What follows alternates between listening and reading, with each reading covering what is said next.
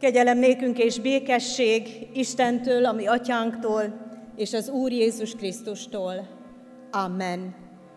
Kedves gyülekezet, Isten tiszteletünk kezdetén énekeljük a 90. Zsoltárunk első versét fennállva. A 90. Zsoltárunk bátor hitvallása így hangzik, te benned bíztunk elejétől fogva. thank you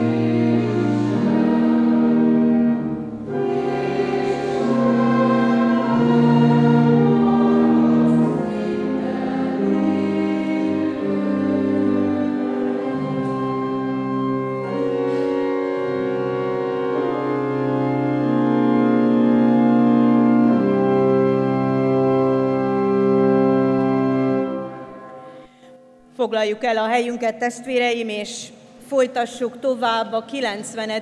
Zsoltár verseit egészen a végéig. Végig énekeljük ennek a Zsoltárnak minden versét, és azt gondolom érdemes figyelni a Zsoltár minden mondatára, amivel összhangba kerülhet a szívünk, és valóban így együtt állhatunk oda Isten elé. Tehát a 90. Zsoltár másodiktól egészen a 9. verse bezárólag énekeljük tovább a 90. Zsoltárt. thank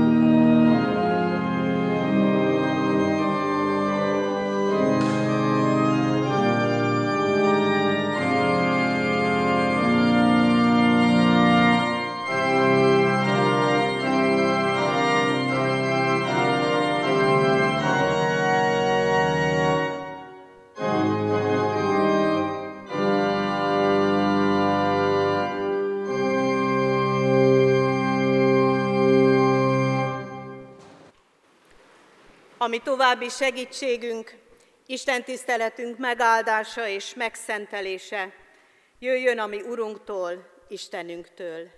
Amen.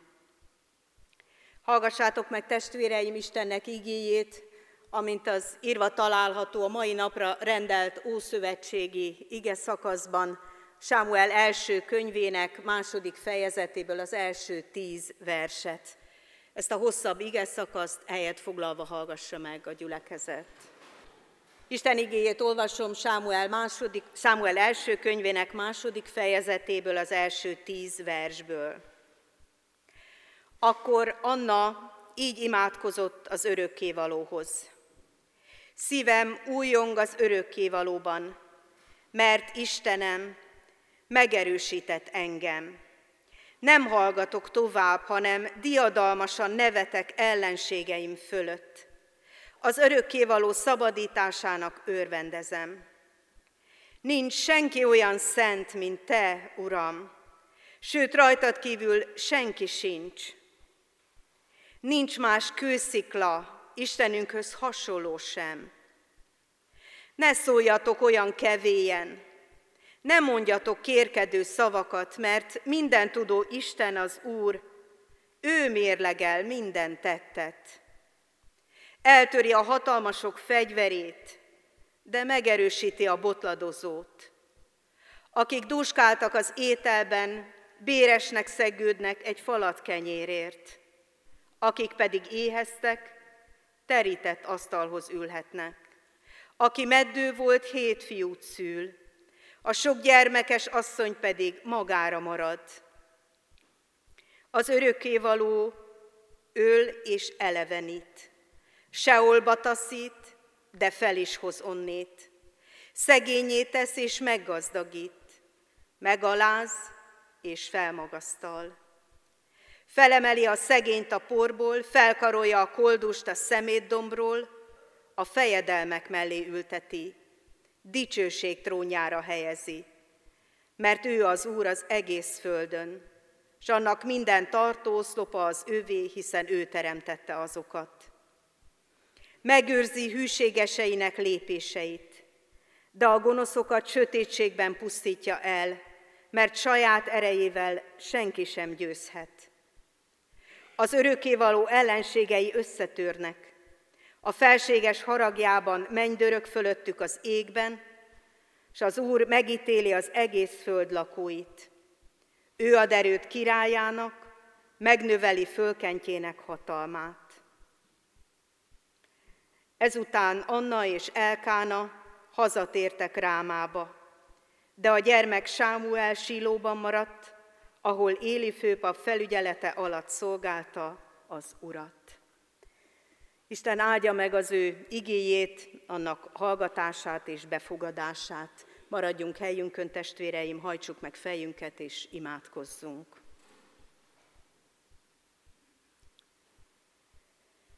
Drága Urunk, köszönjük neked, hogy olvashatjuk Anna énekét sok ezer évvel ezelőttről, aki megtapasztalta azt, amiről énekelt. Köszönjük neked az ő tapasztalatát, az ő bizonyosságát, hogy eléd járult, te meghallgattad és megáldottad az ő életét. Urunk, mi sem szeretnénk mást. Azért jöttünk a te templomodba, azért jöttünk ebbe a közösségbe, hogy a te igéd által, a te lelked elevenítő igéje által a mi lelkünk ne csak megnyugodjon, hanem készségessé is váljon a te szolgálatodra és a te követésedre. Kérünk, adj nekünk ugyanilyen őszinte szívet, mint Annáé. Engedd, hogy ugyanúgy tudjuk kijönteni előtted a szívünket, és ugyanúgy tudjuk meghallani a te válaszodat is. És ugyanúgy legyünk készségesek utána menni azon az úton, amit elénk adsz, és amelyen hisszük, hogy velünk is jársz. Kérünk, áld meg a mi Isten tiszteletünket, áld meg a mi elcsendesedésünket, az éneket, az igére figyelést, a lelkünk összehangolódását.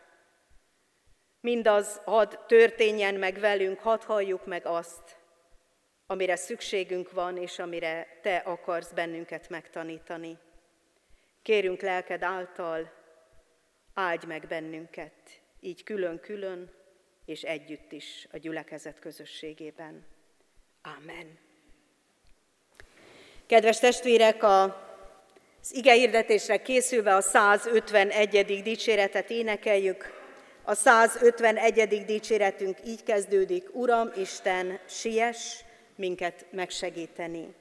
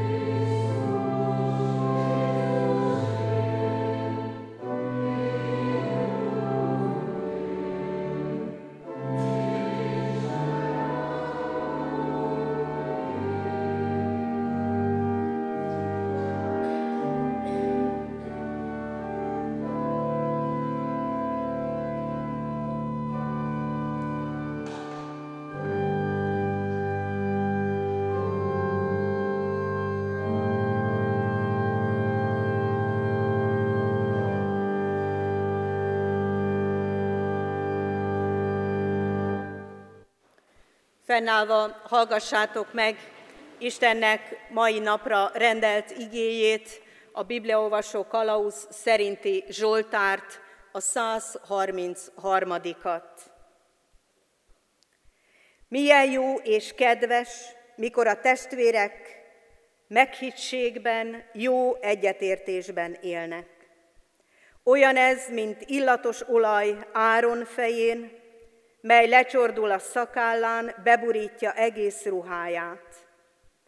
Olyan, mint a Hermon hűsítő harmatja, mely leszáll Sion hegyeire. Oda küld az Úr áldást és örök életet. Amen. Ha foglaljon helyet a gyülekezet. Kedves testvérek, az elmúlt héten Néhányakkal beszélgetve arra gondoltunk, hogy milyen jó is lenne, ha félelem nélkül élhetnénk. Milyen jó lenne egy olyan világban élni, ahol nem lenne hazugság. Milyen jó lenne olyan világban élni, ahol nem is kényszerítenének rá senkit, hogy hazudjon. Milyen jó lenne, ha nem lenne irítség, ha nem lenne rablás, lopás, károkozás, ha nem önző módon élnének az emberek, mindenki csak a saját hasznát keresve. Milyen jó lenne, ha nem lennének gyilkosságok, ha nem támadna egyik ember a másikra, se szóval, se tettekkel. Milyen jó lenne, hogyha tisztelnék a gyermekek a szülőket, engedelmeskednének nekik. És milyen jó lenne, hogyha a szülők is megbecsüléssel lennének a gyermekeik felé, és nem gondolnák, hogy mindig okosabbak náluk. Milyen jó lenne, hogyha a gyülekezetben is szabadon köszönhetnénk és nézhetnénk körül, és nem kellene arra gondolni, hogy a másik ajtón akarok kimenni, mert nem akarok találkozni valakivel. Milyen jó lenne meghitt közösségben lenni. Milyen jó lenne, ha ez a családban és a gyülekezetben valósággá válna. Miért nincs így? Az, amit felsoroltam, valójában a tíz parancsolat.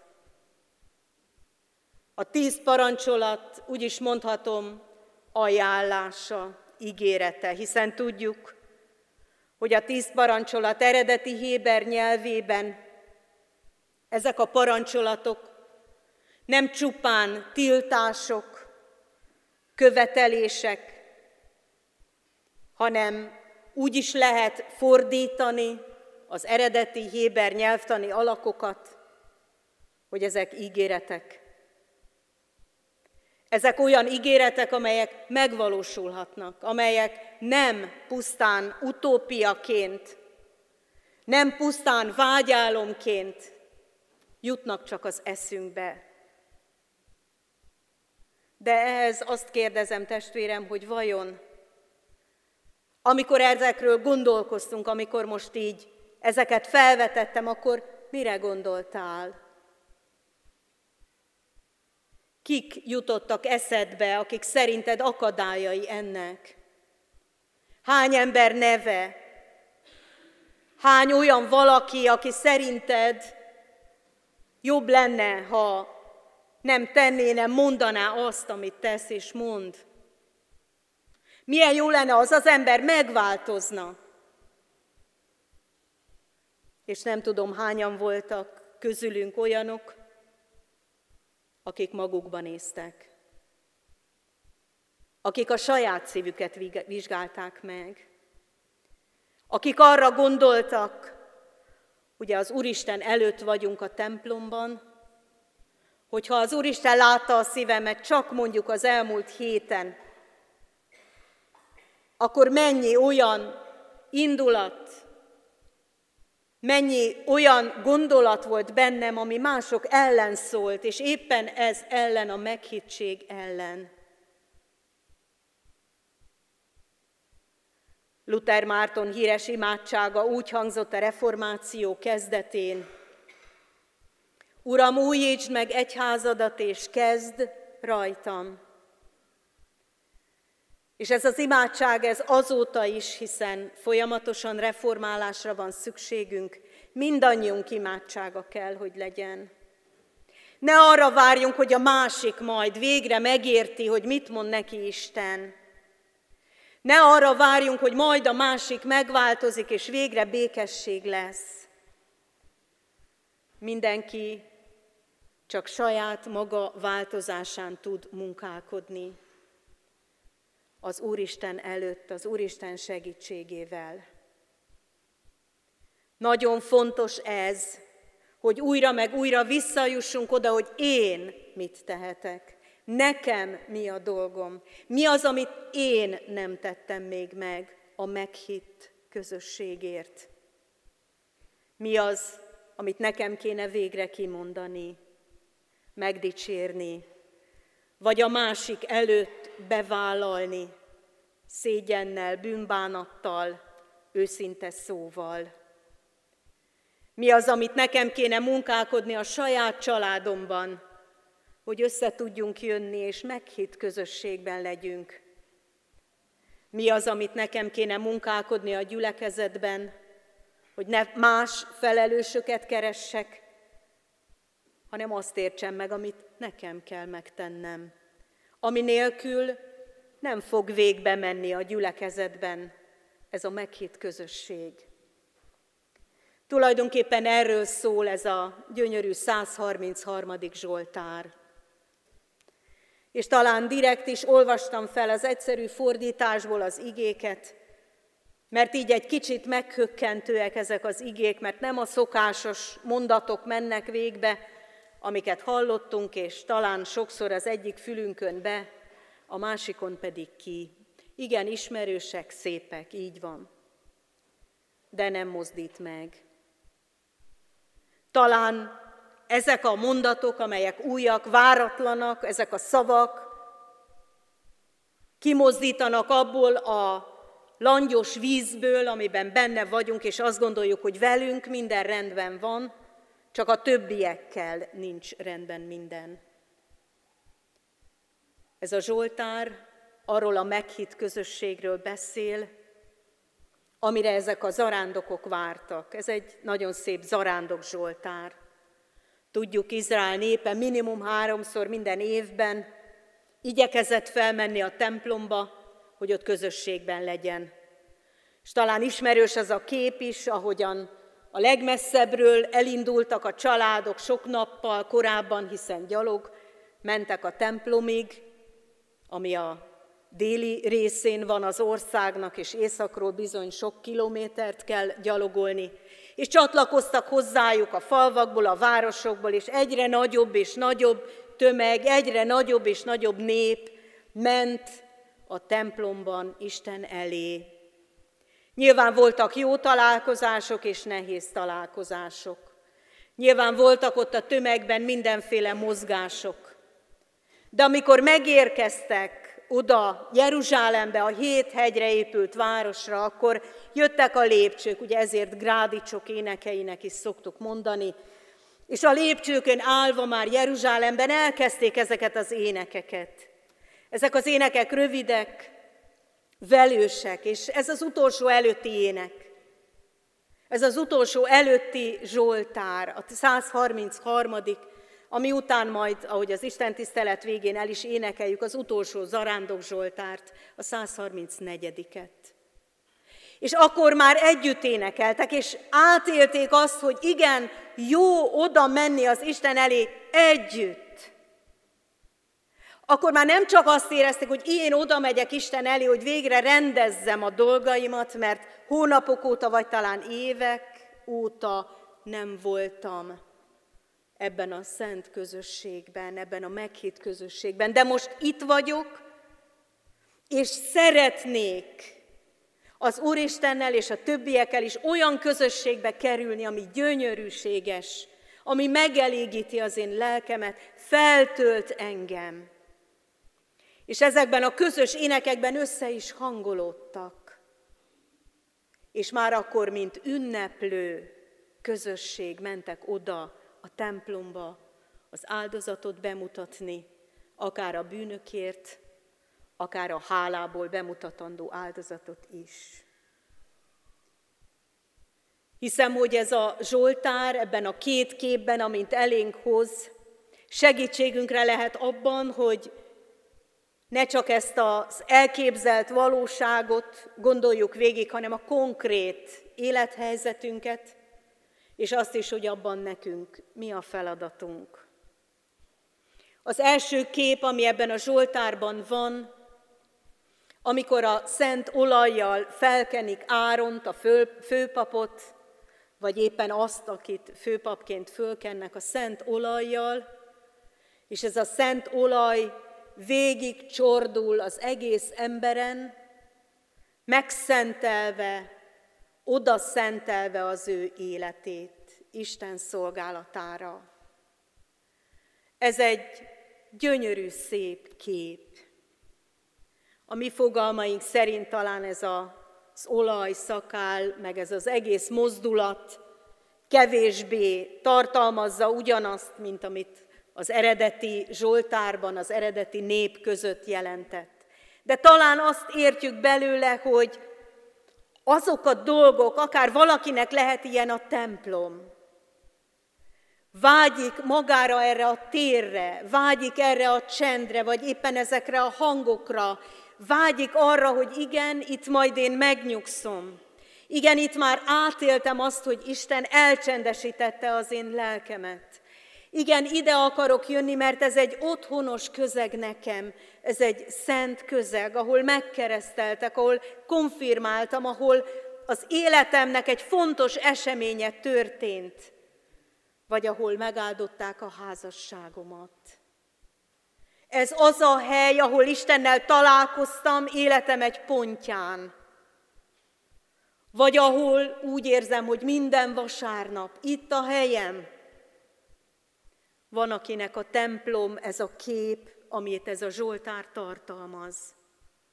Van, akinek ez a hely, hogy oda ülhet le, ahol az ősei is ültek, ahol sok nemzedéken keresztül már ott voltak az ősszülők, az ők a déd, a szép apáink, és tudjuk, hogy ők építve ezt a templomot mit áldoztak oda, és hisszük, hogy igen, az ő sorukba akarunk beállni, nemzedékekkel együtt akarunk itt lenni, akik már testileg nem lehetnek jelen, de lélekben itt vannak velünk, mert hordozzuk az ő hűségüket, mert íme mi is beléptünk az ő sorukba, és reméljük, hogy az utódaink is ezt fogják tenni.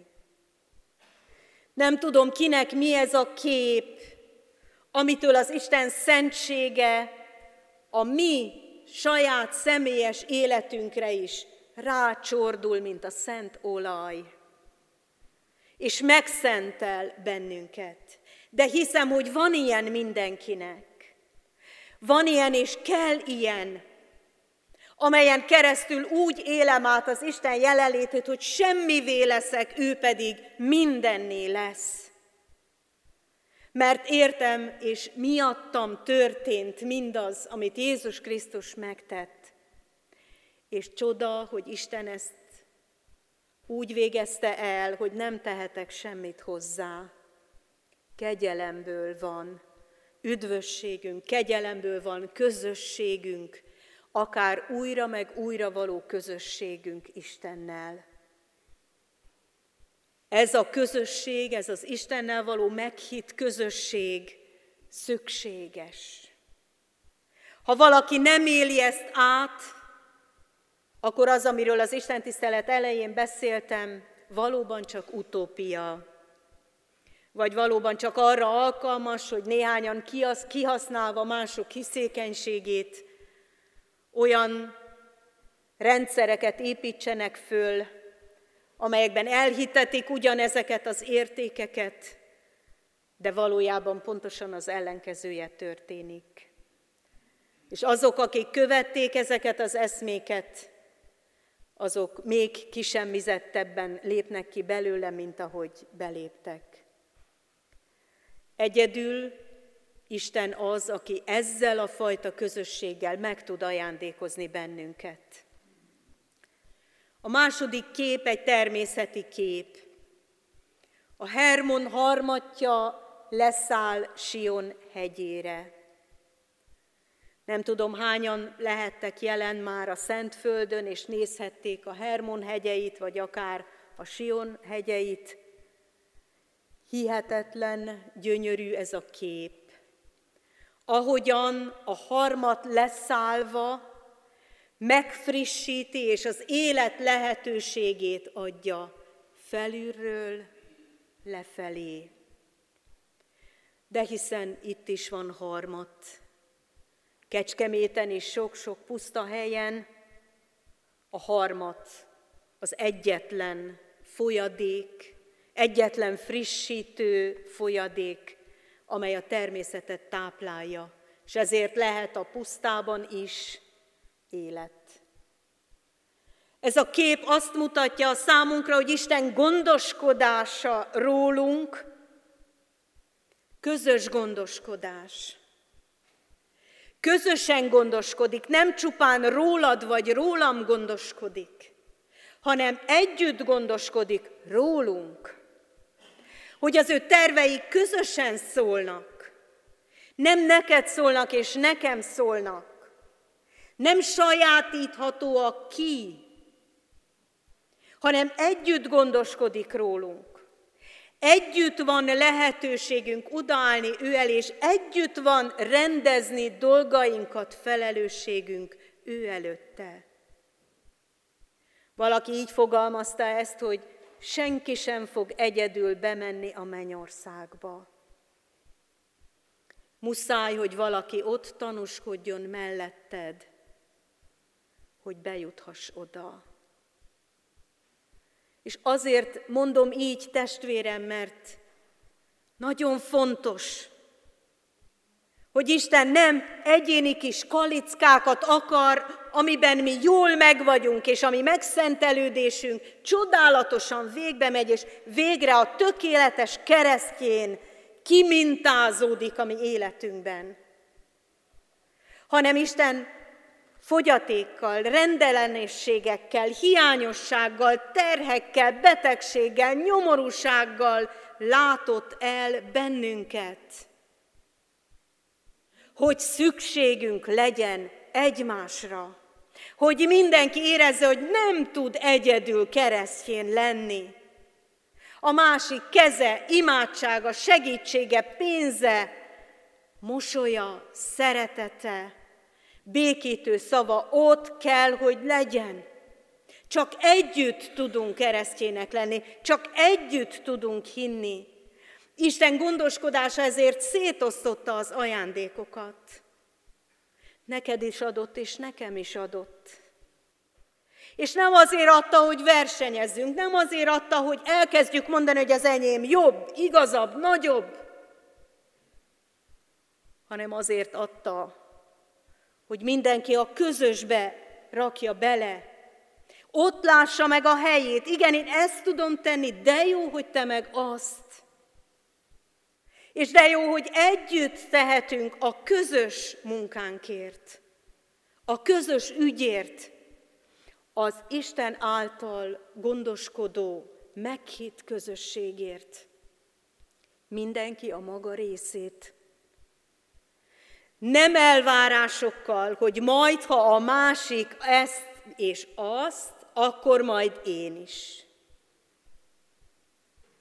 hanem anélkül esetleg, hogy a másik megtenné. Lehet, hogy évekig, évtizedekig nem mondja ki, nem teszi meg.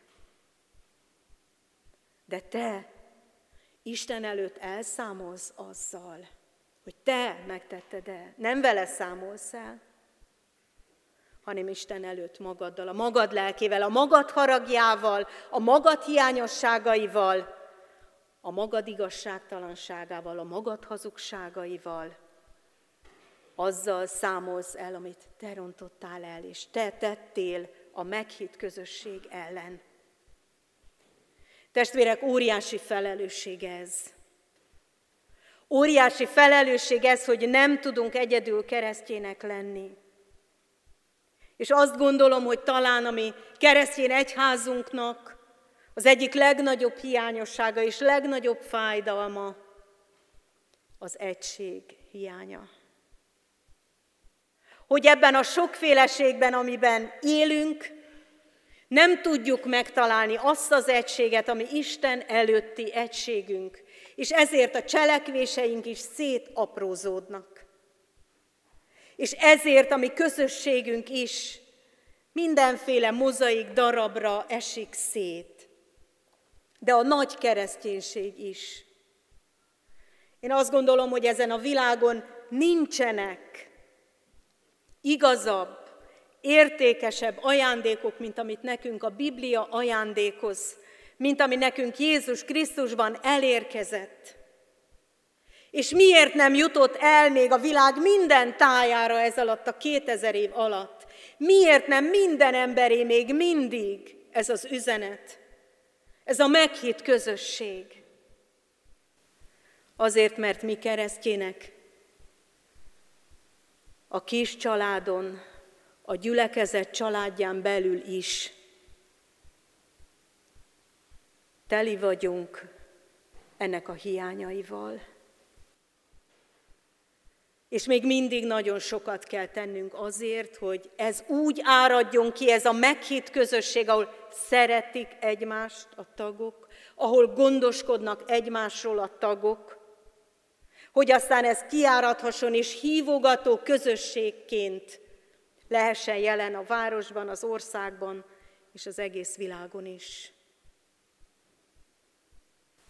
Isten nem akkor fog szeretni bennünket, ha ezt megtettük, ez így van, ez bizonyos.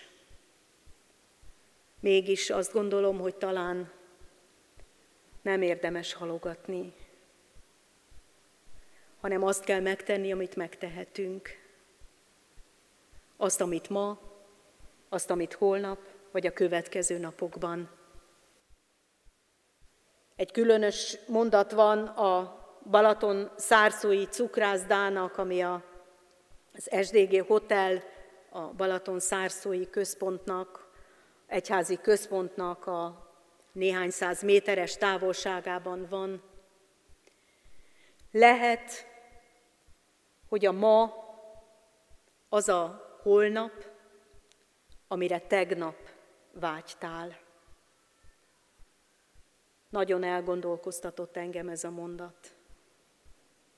Lehet, hogy ez a ma, az a holnap, amire tegnap vágytál. Hogy megtett, hogy valóságá váljon valami. És ehhez már csak az 55. KT-ból olvasom fel azt a mondatot, ami az elmúlt hetekben nagyon foglalkoztatott engem.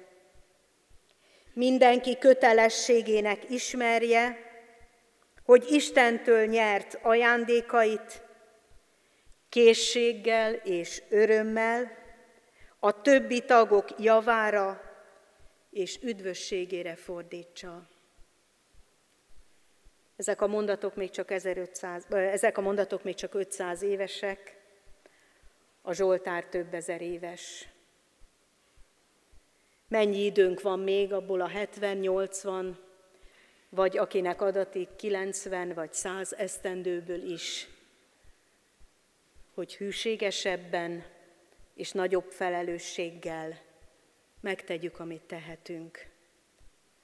Isten adjon ebben nekünk bátorságot, hogy ne halogassuk, hanem hozzálássunk ahhoz, ami a mi dolgunk. Ne várjunk a többiekre. Amen.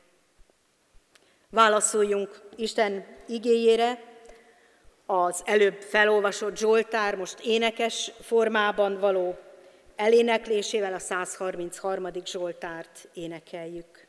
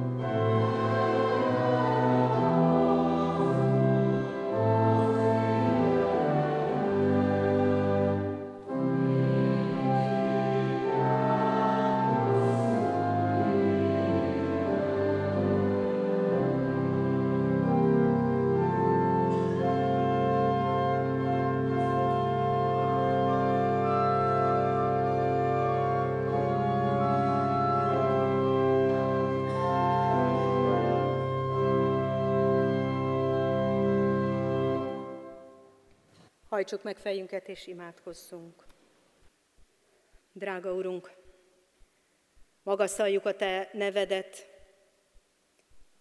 és hisszük, hogy hallod a mi imádságainkat is.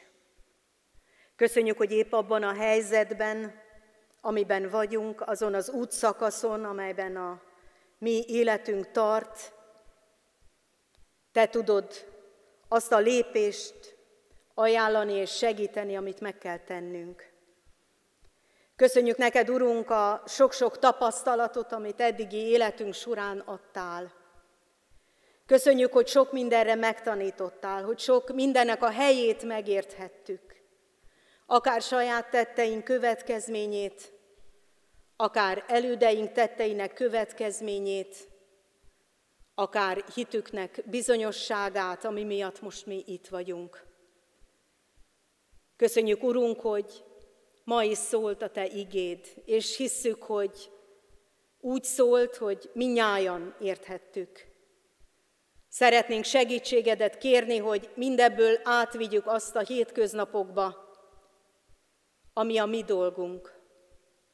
Hogy higgyük, hogy ott is velünk jársz, velünk jössz, hívogatsz, vezetsz, kísérsz, míg el nem végezzük azt a munkát, amit ránk bíztál ebben az életben. Kérünk téged, ami betegeinkért. Kérünk, hogy a beteg ágyukon hadd értsék meg azt, amit abból a betegségből meg kell érteniük.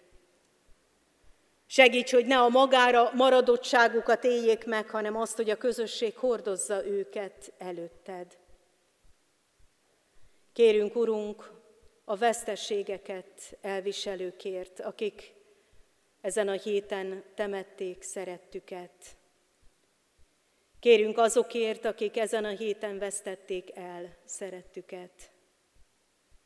Urunk, Te tudod, hogy a gyász fájdalma, a gyász terhe, mélységei, mennyire megpróbálja a mi hitünket, a mi bizalmunkat benned, vagy a saját reménységünket is. Kérünk, hogy erősítsd meg gyászoló testvéreinket. És te ad, hogy azzal a hittel, a feltámadásban való hittel megajándékozottak legyenek, hogy legyen reménységük előre tekinteni, előre tekinteni akár egészen az örökké valóságig. És kérünk segíts a gyülekezet közösségének, hogy észrevegyük a gyászt hordozókat, észrevegyük a veszteségeket hordozókat, hogy oda tudjunk állni azok mellé, akiknek erre szüksége van. Hogy legyenek közöttünk olyanok, akiknek ez a lelki ajándéka most derül ki, akik most értik meg, hogy mi az ő feladatuk ebben a közösségben. De Urunk, kérünk a gyülekezet kiterjedt, hatalmas szolgálati területeiért, ahol annyi feladat van, annyi felelősség van, annyi lelki és anyagi teher. Urunk, kérünk, segíts kinek-kinek meglátni ebben a hatalmas közösségben, hogy mi az a kevés, mi az a saját, amitől mégis az egész növekedhet az egész kerülhet abba a helyzetbe, amit itt a Zsoltár ajánl nekünk. Kérünk téged, Urunk, hogy segíts a mi személyes kapcsolatainkban, családi kapcsolatainkban, szomszédsági vagy gyülekezeti kapcsolatainkban. Segíts meglátni azt, ami rajtunk múlik. És engedd, hogy legyen bátorságunk, legyen elég időnk, hogy elkérjük tőled az alkalmakat a szavakra és a tettekre, amiket nekünk kell kimondani. Köszönjük, Urunk, hogy Te munkálkodsz folyamatosan, rajtunk is, másokon is. Köszönjük a változásokat, amiket már megláthattunk.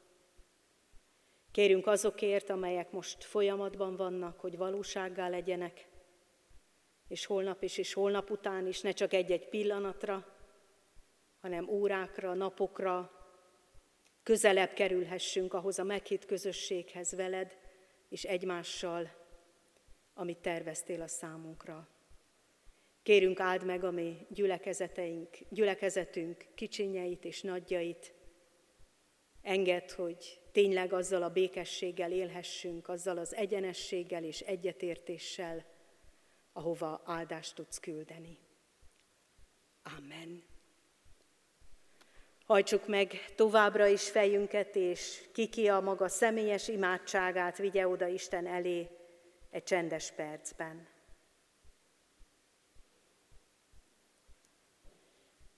Köszönjük, Urunk, hogy meghallgattál minket. Amen. Fennállva mondjuk el együtt is, ami Úr Jézus Krisztustól tanult imádságunkat. Mi, Atyánk, aki a mennyekben vagy, szenteltessék meg a Te neved. Jöjjön el a Te országod, legyen meg a Te akaratod, amint a mennyben, úgy a földön is. Minden napi kenyerünket add meg nékünk ma, és bocsáss meg védkeinket, miképpen mi is megbocsátunk az ellenünk védkezőknek. És ne vigy minket kísértésbe, de szabadíts meg a gonosztól, mert Tiéd az ország, hatalom és a dicsőség mindörökké. Amen. Isten irántunk mutatott nagy kegyelmére kérlek benneteket, testvéreim, hogy határozottan szánjátok oda, és adjátok át magatokat Istennek. Olyan ez, mintha élő és szent áldozatot vinnétek neki, amelyet ő szívesen fogad. Ez legyen a ti önkéntesen fölajánlott áldozatotok, melyel őt méltóképpen tisztelitek.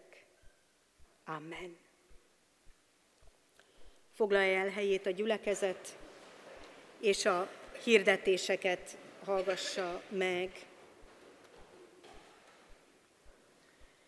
Kedves testvéreim, mindenek előtt hirdetem, hogy a ránk következő vasárnap úrvacsorai közösségben lehetünk együtt, erre készülve csütörtök, péntek, szombaton előkészítő bűnbánati sorozatot tartunk itt a templomban. Csütörtökön, augusztus 20-án 9 órakor istentiszteletet és tartunk, és 18 órakor ünnepi megemlékezés lesz a Szent István szobor előtti téren. Szeretettel hívjuk és várjuk gyülekezetünk tagjait minden alkalmunkra.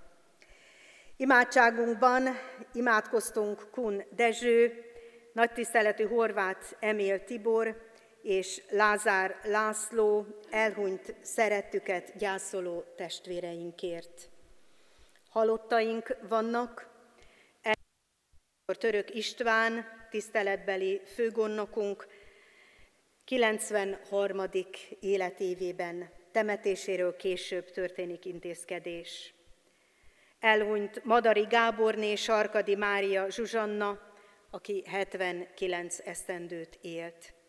Temetése augusztus 19-én szerdán, 3.4.11-kor lesz a köztemetőben. Kérjük hogy az aktuális járványügyi helyzetnek megfelelően tartsuk be a szabályokat, de Isten vigasztalását kérjük a gyászolók életére. Örömünket is hadd hirdessem házasulandó jegyes párokat. Először hirdetjük Juhász András Attillát, kecskeméti születésű református testvérünket, aki eljegyezte Gulyás Zsuzsanna, 60 születésű református testvérünket. Hirdetjük Bátyai Sándor Mihály, kecskeméti születésű romai katolikus ifjú, aki eljegyezte Kaldenekker Nikolettát, kecskeméti születésű református hajadont. Hirdetjük Őri Walter, kecskeméti születésű evangélikus testvérünket, aki eljegyezte Benke Éva, kecskeméti születésű református testvérünket. Sírdetjük, hogy Herceg Péter, kecskeméti születésű református ifjú eljegyezte Konc Brigitta, kecskeméti születésű református hajadont. Másodszor hirdetjük, hogy Doba Dániel Károly eljegyezte pap Nóra Évát. Harmadszor hirdetjük, hogy dr. Fellegi Nándor eljegyezte Simon Lillát. Isten áldja meg a tervezett házasságokat, hogy ők is minnyáján a családjukban is, házasságukban is meghitt közösségben élhessenek Istennel és egymással. Hirdetem, hogy összesen a templom felújítására 23 millió 826 489 forint adomány érkezett. A Széchenyi Városi templomra 8 millió 570 218 ezer. Egyfázfenntartói járulék 100 ezer forint, és külön a Széchenyi Városi missziója 17 ezer forint érkezett ezen a héten. Szeretettel várjuk, hogy a kiemelt közadakozásra továbbra is adakozzanak a testvérek. Akinek erre módja van, az nyomon követheti a kecskeméti lelkészek szolgálatait a honlapon, az ige a Facebook oldalokon is megnézheti. Imádkozzunk hazánkért, különösen a közelgő augusztus 20-ai ünnep kapcsán, imádkozzunk minden magyarért, határon belül és határon túl is. Hirdetjük, hogy Emmaus házunk takarítására, külső-belső rendbetételére augusztus 21-én pénteken egy teljes napos takarításra van lehetőség. Kérjük, hogy aki teheti, az akár egész napra, akár becsatlakozva néhány órára jöjjön el és segítsen ebben. Ez azért is szükséges, mert szeptember 5-én, szombaton egy hálaadó gyülekezeti napot szervezünk az Emmaus házba, amelyre szintén szeretettel várunk mindenkit családostól. A többi hirdetéseket mindenki elolvashatja a hirdető lapokon, és kérem is, hogy vigyenek magukkal a testvérek, és másokat is hívogassanak alkalmainkra. Isten legyen vezetünk őriző pásztora. Amen. Zárásként pedig énekeljük a 134. Zsoltárunkat, annak mind a három versét. A 134. Zsoltár így kezdődik, Úrnak szolgái, minnyájan, áldjátok az Urat vígan. thank you